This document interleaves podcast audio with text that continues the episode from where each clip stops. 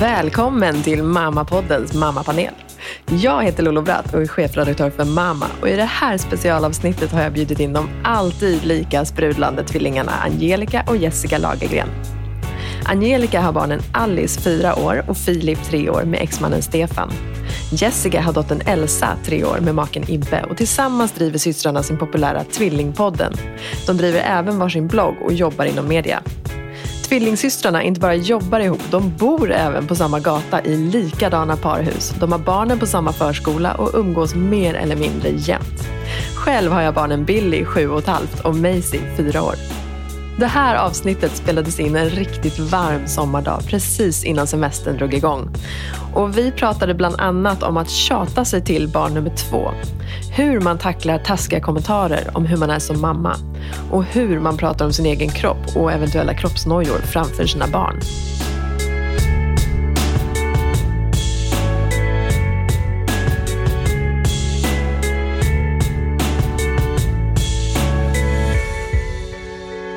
Välkomna till mammapanelen Angelica och Jessica Lagergren. Ska vi sparka igång och svara på lite läsarfrågor? Ja! Jättekul! kul! Vilken härlig pepp! Ja. Då kör vi!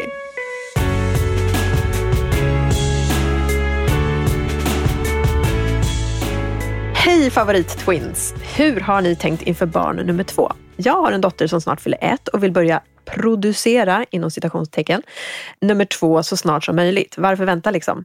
Min man däremot tycker det är alldeles för tidigt och vill vänta minst två, tre år till. Hur har det varit för er? undrar Anja. Ja, jag Jessica är mitt uppe i produktion kan man säga. Med barn nummer två. Elsa är ju tre år.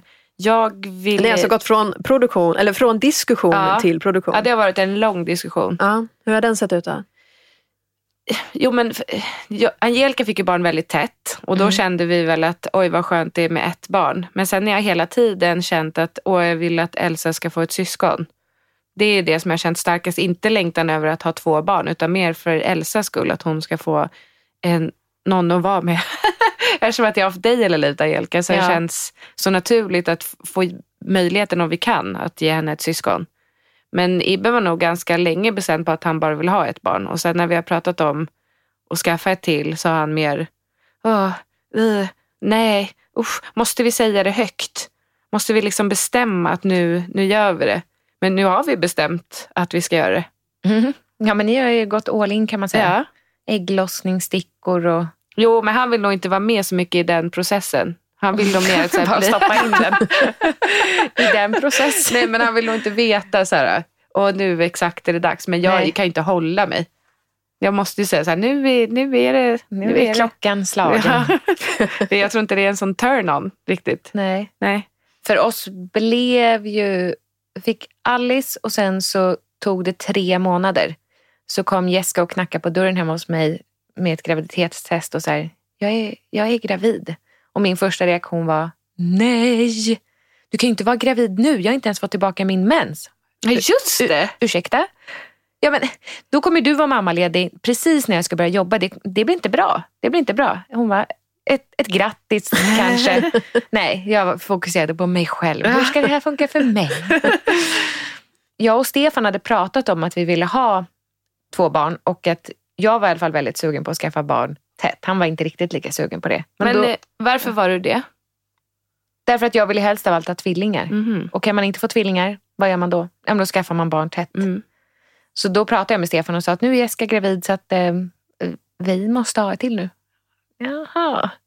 Det var lite tjat. Men eh, sen blev jag gravid jättesnabbt. Men jag kan som inte tänka mig att man i sin vildaste fantasi är liksom sugen på att bli gravid igen när man precis har fött ett barn. Jag vet inte, det var väl fortfarande, jag var nog kanske fortfarande uppfylld av hormoner och Ja, liksom. Något måste det ha varit. ja. Alltså, du har ju också haft tuffa graviditeter. Mm, Din första graviditet var också, ja, Sjukskrivning. Och, ja, och att man då var ett år till. Jag känner igen mig i den känslan med första barnet, när Billy föddes. Då var jag direkt efter, bara, nej gud jag vill ha ett syskon. Nu, nu. Jag skulle kunna bli gravid igen nu. Jag gick nästan och så här, min man var ju absolut inte inne på samma spår. Men jag kunde nästan lite så här, hoppas att jag skulle råka bli gravid. För att så här, ja men då är det ju löst. Och det var verkligen, det kände jag på en gång. Och hade, liksom, hade det blivit så så hade jag varit jätteglad över det. Men sen så tog det ändå tre och ett halvt år innan För sen så la väl det sig efter något år. Och typ Mm. sen, alltså då när det började bli lite kämpigare. Vi Det hade var väl, ändå ett år du gick runt och... Ja men kände det. Men jag hade också, vi hade en extremt lätt bebistid, sen Mm. nyföddhetstid. Och sen så kom det, sen blev det liksom jobbigare vid typ ett års ålder. Och då började man inse att nej, men, ah, vi kan nog vänta lite. Och sen tog det som sagt tre och ett halvt år liksom, innan vi skaffade syskonen. Men efter barn nummer två, när Maisie föddes, hon var ju en helt annan bebis. Det, var ju, alltså, det fanns ju inte på kartan. Då hade man ju i och för sig två barn också. Så det är svårt att jämföra. Men det var verkligen så här, hade hon kommit först och Mm. varit den bebisen som hon var, liksom jättemycket skrik och långa nätter och jätte, jättetuff bebistid. Nej, då hade man ju inte velat ha en, Nej. en bebis så snabbt. Absolut, det tror jag verkligen inte.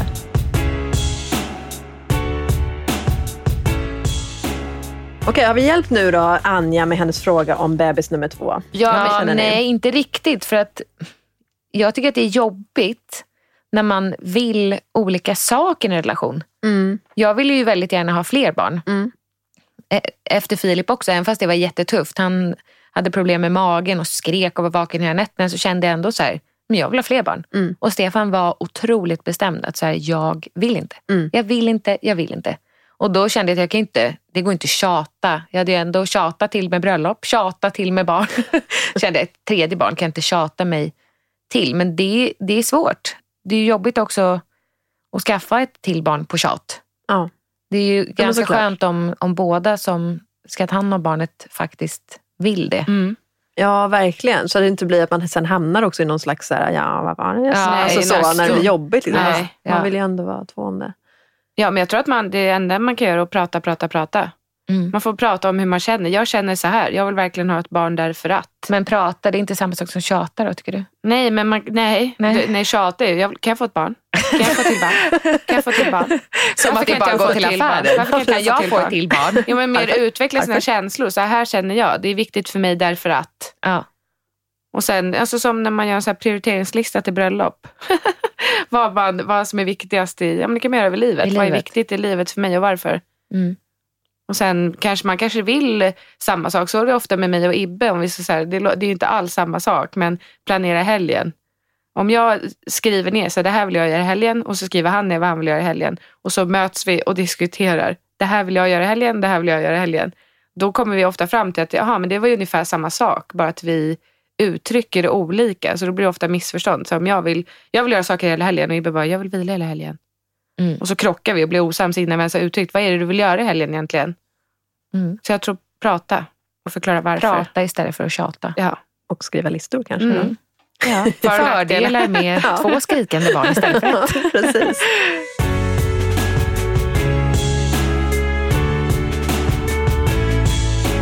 Momshaming, känner ni till det begreppet? Ja. Ja. Det här är en fråga från eh, en som kallar sig för bloggmamman. Hej Angelica och Jessica. Hur tacklar ni dömande kommentarer i era bloggar? Jag har följt er länge och sett att ni ibland får kritik och jag tycker alltid att ni besvarar den bra, men tar man inte åt sig ändå? Och hur hanterar ni det? Tack för en grym podd och bloggar. Vilken, Tack. fin, Ja. vilken fin fråga. Tack snälla. Du kan börja Jessica.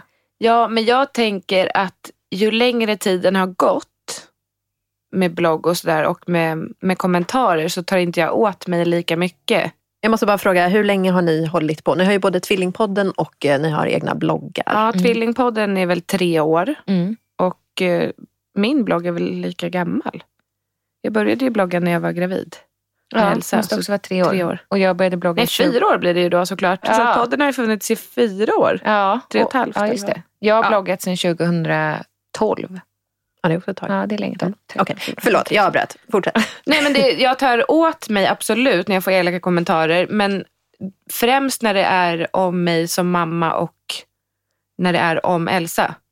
När någon skriver alltså kommentarer om Elsas utseende till exempel. Gör folk verkligen Ja, det? Alltså, absolut. är de, ja, Absolut.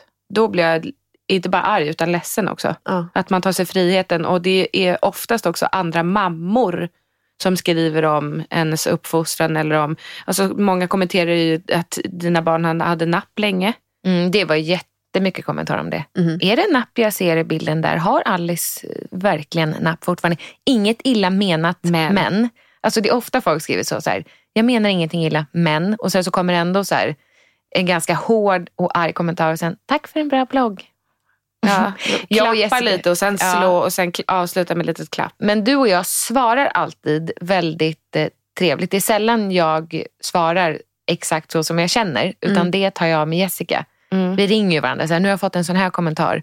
Och så svarar man ändå att man är den större personen och svarar så här, ja, men på ett trevligt sätt. Vilket hon som ställer frågan här nu också har sett. Men Jag gör inte alltid det. nej, jag gör det. Mm. Ja. Jessica kan ju börja bråka i sitt kommentarsfält. Det Ja. är det ett tag sedan. Men Ja. Jo men som när någon, jag hade skrivit att vi vill eh, bestiga Kebnekaise och sen att vi någon gång i framtiden gärna vill eh, bestiga Mount Everest. Så var det någon som skrev att det kommer ni aldrig klara av. Det finns inte en chans att ni kommer klara av det. Peppigt. Nej, och då, skrev jag, då blev jag bara skitirriterad och skrev att jag kommer vinka till dig från toppen. Hej! det är inte trevligt. Det är inte den större människans sätt att svara på kanske. nej. Men Ja, det var väl inte så otrevligt heller i och för sig. men jag kan vara rätt dryg, känner jag själv, Ja.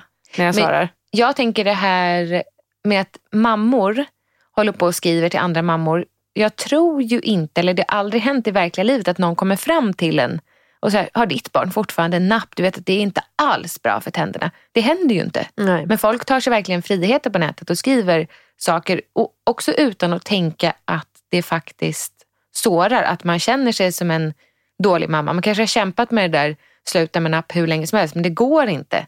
Och så kommer någon kommentar om så här, ska de inte sluta med napp snart? Bara, jo, det ska de. Och Filip ska sluta med blöja när det funkar för oss. Alltså, åh, jag blir helt matt. Ja, men det var ju väldigt mycket kommentarer om amningen, kommer jag ihåg. Och då var man så himla skör som nybliven förstagångsmamma. Så allting var ju läskigt och nytt som det var. Och sen att man delade med sig av allting som var läskigt och nytt till alla andra och sen få skit för det. Det, det tyckte jag var jättejobbigt. Ja, men folk tyckte ju att både du och jag, för amningen funkar ju inte riktigt för någon av oss. Nej, men det det var var vårt vårt eget, eget fel. fel. För att vi borde ha struntat i att blogga, struntat i att träffa folk. Utan då ska man stänga in sig i ett rum där det är mörkt och svalt. Och så ska man sitta där och bli servad av sin man, skrev de. Som ska komma med allt man behöver. Man ska äta mycket, man ska dricka mycket. Och så ska man bara amma, amma, amma i två, tre veckor dygnet runt. Då funkar det. Om du inte har gjort det, då är det ditt eget fel att det inte funkar att amma. För då är inte du jätte hundra procent. Nej. Det var så här, har du verkligen gett 100 procent? Ja men det har jag. Har du gjort det här? Nej, nej men jag vill inte det. Jag vill väl må, må bra som mamma också. Jag vill inte det och jag förstår de som vill det. Som vill så här, ja men jag vill verkligen ge det här mitt allt. Och jag stänger in mig själv. Men jag vill inte det. Jag mådde inte bra av det. Och sen är det ju, man kanske inte ens har förutsättningarna varken att Nej. göra på det sättet och alla kanske inte har en partner som kan serva en på det sättet. nej. Men också att sen kan det vara fysiska grejer som faktiskt gör att även Ja. om man gör allt det där så funkar det ändå. Och Nej. ändå inte. Och det Nej. kan ju ligga både hos mamman och hos barnet. Alltså Ja. det är ju, båda ska ju hitta tekniken och liksom få det att funka. Amning är så mycket svårare än vad jag trodde. Ja, Det är verkligen. jättesvårt. Verkligen. Jättesvårt. Ja, när man Det sett borde ju ske helt naturligt, Ja, men, tänker ja, jag. för när man har sett det man bara så här, "Ah, ja men det funkar nog bra. Jag, jag, fick, jag gick och gick, fick, jag gick och fick, jag gick och fick hjälp. Alltså med så här hamburgergreppet, så här ska du hålla och de fick titta på när jag gjorde och så här, det här gör du fel, det här kan du göra bättre. Funkar ändå inte. Alltså man tänker så hur lång tid det tar alltså sen när man ska börja mata bebisar, så här, riktig mat. Alltså det är ju månader, veckor i alla Ja, fall. Så här, ja. åh, hur, liksom, hur lång Ja. tid bara den processen tar. Det är ju inte så konstigt att också amning, det är ju första gången de ska äta någonting. Alltså det är ja, klart att det tar mm, ja, tid. Liksom. Och om det då ens funkar överhuvudtaget. Ja. Det är ju svårt. Hur kom vi på amning egentligen? Jo, Men kommentarer. Det. Momshaming. Jag tänkte på, ni har ju fått en del kommentarer när ni har gjort resor tillsammans. Det är framförallt då tror jag som jag har sett att det har blossat till ordentligt i era kommentarsfält. Hur ser ni på det? Vad liksom, kan du inte berätta någonting kring Jag känner det? att det förstörde lite av vår resa. Vi hade sett fram emot att åka till New York. Mm. Jag och Jessica och några kompisar. Inga barn, inga respektive utan bara vi hade sett fram emot den här resan. En kompisresa. En kompisresa i fem dagar eller vad det var. Och folk var så här, ja, men då blev folk så upprörda över att ett, vi åkte utan barn. Man, har man skaffat barn så åker man inte utan barn. Det gör man bara inte. Det är så himla elakt. Och sen så började folk bråka om att, för då var jag och Stefan gifta, att han fick inte lämna barnen på förskolan. Enligt lag så skulle han vara hemma med barnen eftersom jag hade semester. Ja, vilket ju är... Jättetokigt. Ja. Jättetokigt. Jag var nog inte beredd på det. Alltså den stormen som blev när vi åkte till New York, det var ju främst mot dig. Mm. Men jag var inte alls beredd på att folk skulle ta illa vid sig. Det var ju bara mammor som skrev. Mm. Hur kan man? Hur kan ni lämna era barn? Jag, alltså när vi åkte till Thailand, jag tycker det var skönt att vara borta en hel vecka. Ja. Det är klart att Ja. jag saknade Elsa men det var ändå så skönt att vara på, på ett sätt på andra sidan jorden och bara, åh, nu är jag ledig. ja. Man måste få Känner vara ni, det. Ja men absolut, verkligen. Känner ni att ni, så här, andra gången när ni åkte till Thailand då, begränsade det er på något sätt liksom, i hur ni pratade om det? Eller liksom, skrev ni annorlunda då på bloggen? Eller liksom? Ja, jag tror att jag gick ut med försvars... Alltså så här, jag I vet, början. Ja, Ja. Mm. ja, vissa av er tycker inte att det här är bra. Alltså, ja, Mm. absolut. Men vi kommer göra det ändå. Och barnen klarar sig fint med, med sina pappor. Mm. Det är tråkigt att det ska behöva vara så för att vår kompis Annika la ut en bild på sin Instagram. Där hon skrev så här, min kille Fredrik han har fått så mycket skit nu av massa pappor för att han har åkt på en resa till Italien med sina killkompisar. De tycker att han är världens sämsta pappa som, som åker iväg utan sin respektive och främst sitt barn. Och jag bara, men gud, jag har aldrig hört talas om det. Nej, Nej. och det stämde inte heller. Nej. Längre ner har hon skrivit, nej det stämmer inte. Men om det är en mamma som åker iväg så får hon massa skit från andra mammor. Men pappor som åker iväg på svensexor eller reser iväg från sina barn, de får ju inte den här skiten. Det är inga mammor som blir arga på dem. Nej. Papporna. Nej, men det har Och vi inga pratat pappor som blir med arga. Nisse Edvall om, Mm. som har pappapodden. Om att de får ju, näst, alltså Nisse och Manne, aldrig någon skit. Nästan aldrig. Och Han kan ändå skriva på ett provocerande sätt för att få skit. Så här, "Vi, nu har jag skitit i barnen, bla bla. Men får aldrig. Det, Jag menar att han tjuvsover. Han har skrivit om att han tjuvsover så att Li får, hans fru, så att Ja. hon får gå upp. Och då tänkte han att nu skulle folk bara varga. Men nej. Nej. nej. men Så varför är det så? Ja, det är faktiskt väldigt irriterande. Men jag kan säga, jag har känt, jag har sett, om jag ser en bild på Instagram till exempel, med barn som sitter i bilbarnstol som är felknäppta eller sitter med stora jackor. Då har jag lust att skriva så här, när det är första gångs föräldrar. Tänk på att, men det gör jag ju inte. Men ibland, jag försvarar inte dem som är elaka, men ibland är det ju för att hjälpa till. Mm. Så att de vet att det blir säkrare om du tar bort den där jätteoverallen. Fast den typen av kommentarer tycker inte jag är dåliga. Nej. När det handlar, på riktigt Nej, om det handlar om handlar om barnens säkerhet. säkerhet. Ja. Mm. Eller om, om det är någonting som de kan sätta i halsen eller tänk på det här. Då, då tar inte jag illa vid mig. Men jag skulle inte skriva så. Nej, Nej jag, jag gjorde ju inte det, men jag kände att jag egentligen ville. Ja. För jag tänkte på barnet.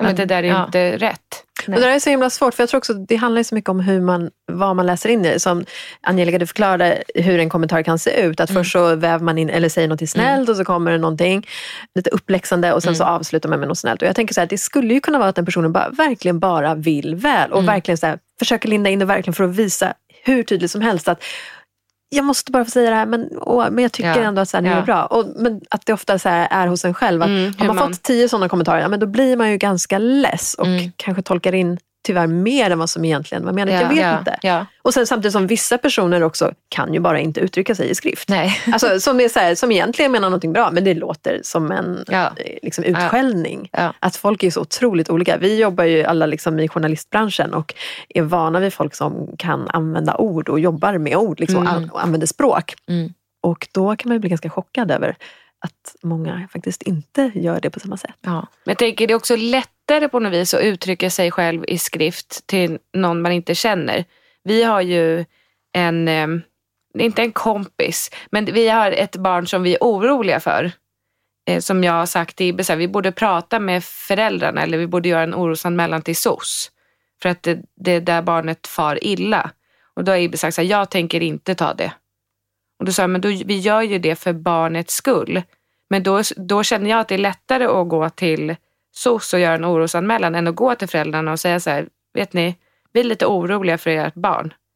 Mm. Eller ska man lägga en lapp i brev? Alltså jag vet inte hur man ska uttrycka en sån sak. Då hade det varit lättare om den personen hade haft sociala medier och man anonymt kunde höra av sig så här, vet ni, you bad bad mom. Nej, Nej men då Nej. tänker man, jag tänker ju bara på barnets bästa. Mm. Att för barnets bästa skulle jag vilja höra av mig eller gå och prata med föräldrarna. Men jag tror då, alltså, om minsta tvekan så gör en orosanmälan. Ska jag säga. Och inte prata Absolut. med föräldrarna direkt. Inte om man inte har den relationen. Nej, och det har vi ju inte. Det, det är mer hej.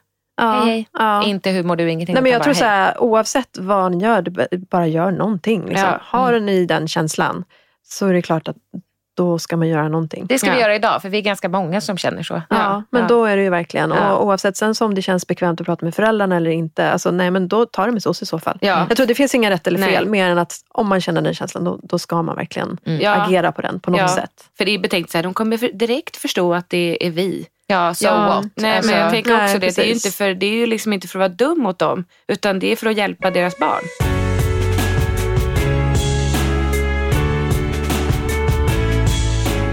Vi tar en fråga till som handlar om gräl.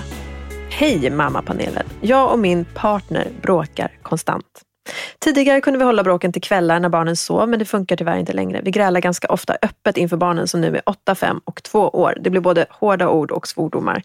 Även om vi ofta blir sams igen efter en stund så förstår vi att detta såklart påverkar barnen. Vi älskar varandra men ibland tänker jag att det skulle vara enklare om vi gick skilda vägar på grund av allt bråk. Vi har funderat på parterapi men inte tagit steget ännu. Från Amanda. Ta steget. ja, jag skulle också Ja. säga ta steget. Till parterapi. Ja, verkligen. Nej, till skilsmässa. Nej, men, men eh, jag tänkte, jag läste om ett, ett par på Facebook som gick ut öppet med att så här, vi valde att gå i parterapi för att hitta tillbaka till varandra och hitta liksom, ja, men sätt att kommunicera med varandra. Så tänkte jag, men gud, hur kan hon skriva det på Facebook? Det är som att berätta för alla att de har det så dåligt. Det är så hemskt, tänkte jag. Tänkte det där, usch, jag kommer aldrig vilja göra det. Men jag önskar faktiskt att jag och Stefan hade gått i rådgivning eller parterapi innan. Mm. Innan det liksom gick för långt. Vilket du och Ibbe har gjort, Jessica. Mm. Ja, men jag skulle också säga att det är bättre sent än aldrig. För oavsett om man eh, efter tio veckor i familjerådgivning eller parterapi bestämmer sig för att gå skilda vägar så har man ändå lärt sig att kommunicera och man ska ju kommunicera med varandra resten av livet eftersom att man har barn tillsammans. Så det ska ju de också göra. Den inställningen gick vi in med när vi började familjerådgivning att oavsett hur det blir vi satte oss där och bara, vi vet inte om vi vill vara tillsammans eller hur vi ska göra men vi måste lära oss att kommunicera med varandra för vi bråkade också jättemycket. Minsta lilla grej blev ett missförstånd och så var det tjafs och bråk. Och då sa vi också, vi kan inte hålla på och bråka så här framför Elsa, det går inte, då var hon ju jätteliten. Men det är ändå, märker jag av, ens barn märker jag av stämningar. Det behöver inte vara att man använder hårda ord, då märker jag av om man inte... Ett är- tonläge Ja. bara. Oh, ja. Ja. Eller en stämning, tystnad. en tystnad. Ja, en de tystnad, ja, också verkligen. sånt. Man kan inte alltid hålla bråken till kvällarna tycker jag. För det är viktigt att man ska säga vad man tycker och tänker och känner. Man kan inte alltid hålla på det. Men barn mår inte bra av att hamna mitt i bråk.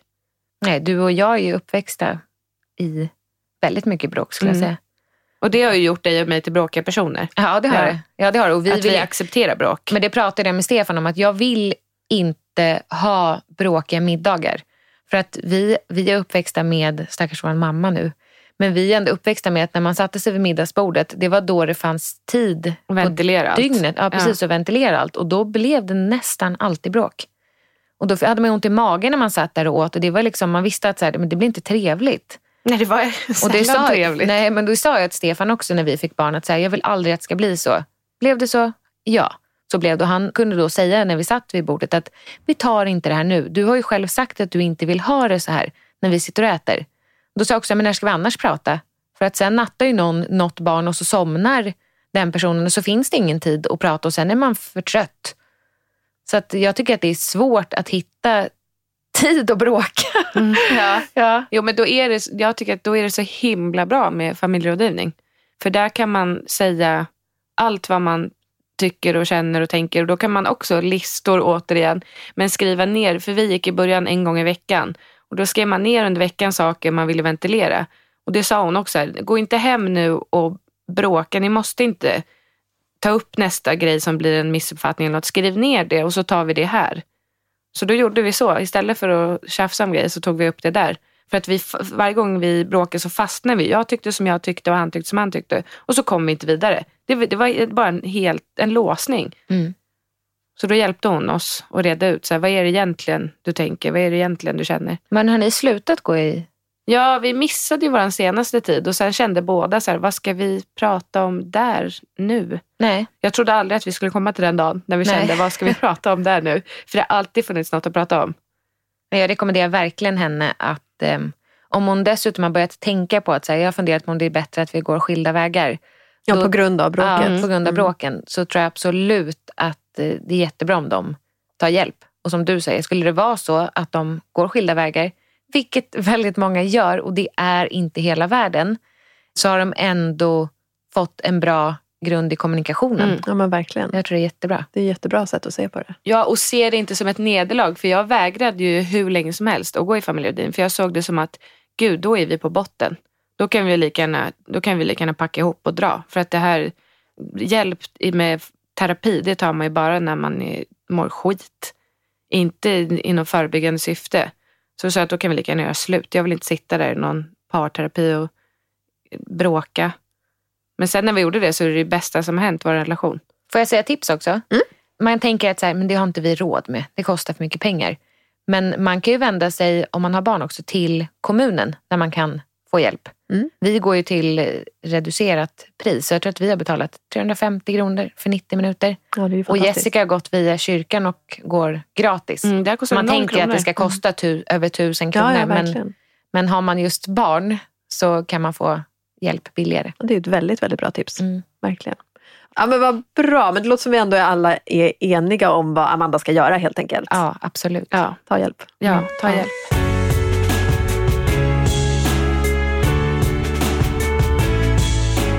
Okej, vi har en fråga här eh, som kommer från våran Facebookgrupp Mama Power och en medlem där. Och den lyder så här. Hej Angelica och Jessica. Jag skulle gärna vilja höra era tips på hur man pratar med sina barn om normer kring utseende, vikt och genus. Vad har ni för tankar där? Jag tycker det är så svårt. Alla tre. Om vi börjar med utseende då. ja. Ni har ju bloggar Ja. eh, och eh, lägger upp mycket bilder på Instagram, både på er själva och Mm. på era barn. Mm. Mm. Ni får mycket kommentarer. Jag vet inte om ni får det kring utseende. Du nämnde... Det är så snygg. Jag ska Ja. Tack, Nej, men jag, jag tänker för att jag la ut en bild på mig själv i underkläder. Den var från förra sommaren och så skrev jag mina barn ska aldrig få höra mig klaga över att jag har tjocka lår eller en degig mage. Och då hade jag trosorna över min magkant så här. Eh, magkant, alltså där, där, där hänget är. Ja. Den, den var instoppad. Man såg inte Kängurupåsen var instoppad helt enkelt. Mm. Och när jag ser bilden nu så tänker jag, ah, ja, inga jättelår att tala om. Men jag ville bara så här, nu blir det här en stackars mamma, våran mamma. Ja. Ja, men hon har alltid klagat över sin kropp. Och jag har så himla tjocka lår, jag kan inte ha jeans, jag har så himla tjock rumpa. Och, och det kan man ju ha, det har hon inte haft. Hon har verkligen inte haft det. Så jag har alltid haft en bild av att så här, hon har tjocka lår, det är därför hon inte har jeans. Eller hon vi vill dölja sina, då. Ja. Nej, hon vill dölja sina armar för de är för stora. Jag tror att det har påverkat dig och mig Jessica mycket mer än vad man egentligen har tänkt. Mm. Men det för mig har det varit så viktigt när jag har fått barn nu att inte prata så om min kropp. Prata inte så om kroppen. Senast i morse så stod både Alice och Filip och så här, åh din fluffiga rumpa. Så slog mig i rumpan och jag bara, visst är den härlig? Fast egentligen skulle man säga, usch gör inte så, den är ju jättetjock och äcklig. Alltså, för jag vill inte att de, de kommer få det utifrån så himla mycket. Så hemifrån vill jag att de ska känna bara så här, åh vi duger precis så som vi är. Och mamma menade ju säkert absolut ingenting illa när hon pratade om sin kropp. Jag tror inte att när vi var små så var det inte på samma Nej, det sätt. var ju inte det. var ju det. på ett Nej, helt annat Det var sätt. helt då. annorlunda. Det fanns liksom ingen diskussion kring om det var rätt eller Nej, fel och hur nej. barnen påverkas Nej, av det. Eller, man rökte det var under här, fläkten. Och, Ja, men de var alla banta helt. Ja, ja, det var liksom, mycket bantning. Alla banta. Alltså, det kommer jag också ihåg min mamma. Och Ja. Det var så konstiga grapefruktdieter. Ja. Ja. Scarsdale-metoden. Jag kommer ihåg den där boken som låg Ja. hemma. Liksom. ja. Det är verkligen, man tycker att så här, ja, men mamma bantade alltid. Ja. Liksom. Men det har du och Ibbe pratat mycket om. Mm. För att han kan ju säga så här, nu inför semestern, då måste jag gå ner i vikt. Jag måste... Jag är tre kilo från min målvikt. Jag kan inte äta det här för jag är så tjock. Alltså, jag, det pratar vi mycket om hemma. Om Att vi hur- måste gå ner tre kilo. Hans sista tre, semesterkilon, absolut. Nej, men att man kan inte, vi kan inte prata på det sättet. Och speciellt inte om mat. För att eh, både jag och Ibbe har ju ett ansträngt förhållande till just mat. Och ingen av oss vill ju att Elsa ska få det. Alltså problem med en, en osund relation till mat. Mm. Och det är ju jättesvårt att inte föra det vidare men vi försöker verkligen få påminna honom också om sättet han pratar om mat Mm. hemma. Melodifestivalen är också så här klassiskt exempel. Att man är van, vi är så uppvuxna med att alla alltid ska kommentera Mm. alla, Ja. som, alla deltagare. Speciellt kvinnorna. Mm. Och så, Åh, gud vad ful, och gud vad tjock, och gud vilken ful klänning. Och det, är Ja. liksom, det är liksom en del av hela grejen på något sätt. Mm. Och så halva nöjet Mm. På något sätt. Mm. Och det tycker jag, så här, det tänker vi jättemycket på. Att verkligen så här, vi ska inte kommentera folk på tv hela tiden. Och liksom komma med kommentarer om deras utseende. Det är så nolltolerans. Liksom. Mm. För mig är det inte svårt, för jag tänker på det så mycket. Men däremot får jag påminna min man ibland som Mm. också kan så här kläcka ur sig. Oj, det var ju en speciell outfit. Alltså, så. Mm. Då är jag alltid där som en lite så här, polis och bara, ja men det är väl härligt att alla kan vara speciella. Man blir så här, överdriven åt andra hållet. Men det känns ändå så här, viktigt Ja. att Ja. liksom, verkligen försöka belysa hela tiden på något sätt. Väga upp. Jag tror som du Angelica, det är, gud vad de kommer få mycket av det här utifrån ändå. Alltså Mm. då, det är svårt för dem att värja sig eh, Mm. mot den här utseendehetsen. Och Mm. Vi behöver verkligen göra det vi kan. Mm. Men efter jag hade lagt ut den här bilden när jag skrev att jag ska aldrig klaga och folk säger du har ju ingen mage att klaga på. Då la jag ut en bild när jag lät kängurumagen hänga utanför troskanten och bara så här ser jag ut. Jag hade den instoppad i trosorna, vilket jag ofta har när jag har trosor. Jag brukar inte sätta dem under. Men då, då var folk så här, bra, vad, vad bra att du visar hur du ser ut när du sitter ner Mm. på riktigt. Mm. Alltså, det tycker jag också är er eh, senaste omslagsperson, Fi. Ja, Alltså ert senaste omslag med Fi är det finaste jag har sett. Ja, Mm, vårt mammaomslag. Ja. Ja. vi, är också så, vi har fått så fantastiskt mycket fin respons på det. Det känns ju som att det finns ett behov av att se den här Mm. typen av vanliga mammakroppar. Mm. Vi kommer lyfta det ännu mer. Det är verkligen, ja, det är så självklart. Jag idag. visade det för min mamma och hon Ja. sa, men oj, sånt där ser man ju inte på tidningar. Nej. Det är otroligt ovanligt. Så jag tror aldrig jag har sett Nej. en vanlig mammakropp på ett omslag. Nej. Alltså, det är så som folk ser ut mest. Nej, det- Jag tycker det var så himla fint omslag. Ja men tack. Om det är någon som Färgmässigt har, också. Ja jag vet, det är Ja. så snyggt. Vi är så, vi är så nöjda och glada. Nej, men eh, om det är någon som har missat det så är det vårt eh, omslag som, på vårt sommarnummer då, där vi har en avklädd bikinimodell eh, som är en influencer som heter Fi som är fantastisk och hon visar, står med sina barn precis som vilken omslagsmamma som helst. Men det som syns är ju hennes mage som är en helt vanlig mammamage, det vill säga att den är skrynklig och lite knölig. Liksom. Mm. Och det är, alla har reagerat lika så här, wow! Ja. Och det är så sjukt, även vi själva är så här, wow det här är så coolt. Så bara, fast vad är det coola egentligen? Ja, det här är ju liksom så det ser ut. Inte den andra bilden. Ja, det är roligt. Kul att det uppskattas.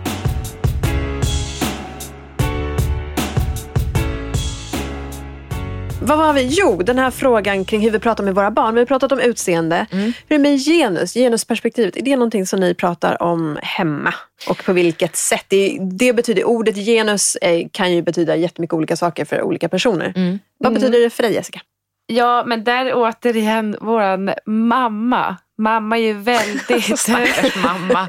ja, men, kan man säga konservativ när det kommer till pojkar och flickor? Hon är väldigt, vi har ju inte gjort någon skillnad Som på... ganska många i den generationen Jo. kanske. Ja, men vi har inte gjort någon skillnad på att Filip är kille och Alice och Elsa är tjejer. De leker med samma saker, de klär Vi behandlar sig... alla tre på samma tre, ja. De är tre barn. Ja, Alltså, vi har ju aldrig ja. tänkt så här, Filip är en kille och Alice är en tjej. Eh, Elsa sa till mig häromdagen, mamma jag vill eh, inte ha shorts för jag är inte en kille. Och så, men Elsa jag kan hämta en kjol om det är kjol du vill ha. Men tjejer kan ha shorts, killar kan ha shorts. Killar kan ha kjol och klänning. Det är inte något bestämt att det är killar just som har shorts. Men jag kan absolut hämta en kjol om det är det du vill ha på dig idag.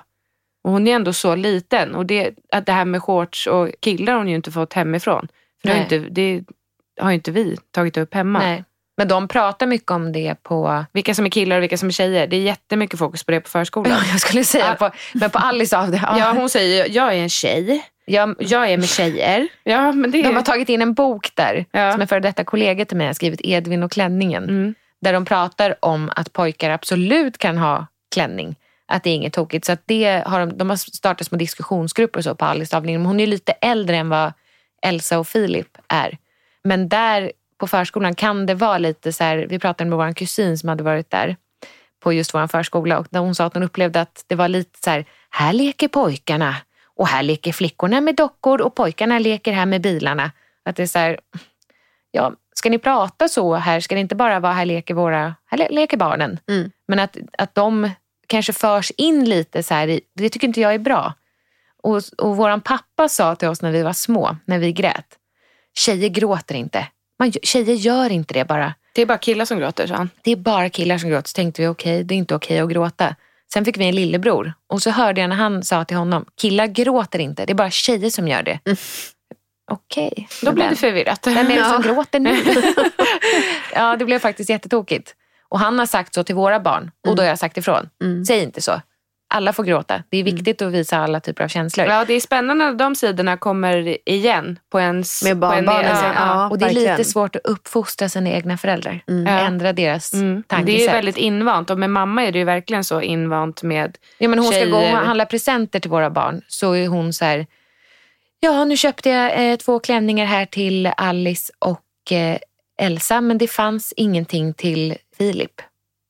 Eh, varför köpte du inte en klänning till honom också? Då kunde alla tre ha fått det. Eller de fick en julklapp så skulle de få tofflor. Och så fick Filip blåa och de andra vita, Vita med med, så prinsessor på. Så men köp likadana för de vill ha likadana alla Mm. tre. Du behöver inte skilja dem åt. För att hon sa när hon fick veta att jag väntade en pojke. Åh nej, då måste jag köpa svärd. Ja, men, Ja, mamma. mamma- menar ju inget illa Nej, med det. men Det är bara såklart. mamma är uppfostrad. Det är liksom mammas ja, filosofi. Mm. Men den är ju ja, gammalmodig. Det, ja, men det, är- det är ju skönt att det har ändrats ändå på så kort tid. Mm. Ja men Om- Om verkligen. man tänker ändå så har Ja. det gjort det. Jo, men Ja. jag tycker det är skönt att vi har blivit som vi har blivit ändå. Alltså vi Ja. kunde ju lika gärna också hållit hårt fast vid det eftersom att det är så vi är uppväxta. Ja. Men vi har ju någonstans ändrat oss på vägen. Eller blivit Mm. helt egna människor Mm. med egna tankar och idéer. Smart. Ja. Mycket bra.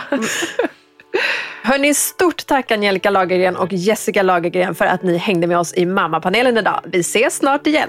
Tack det snälla. Hej då! Hej då! Hej då!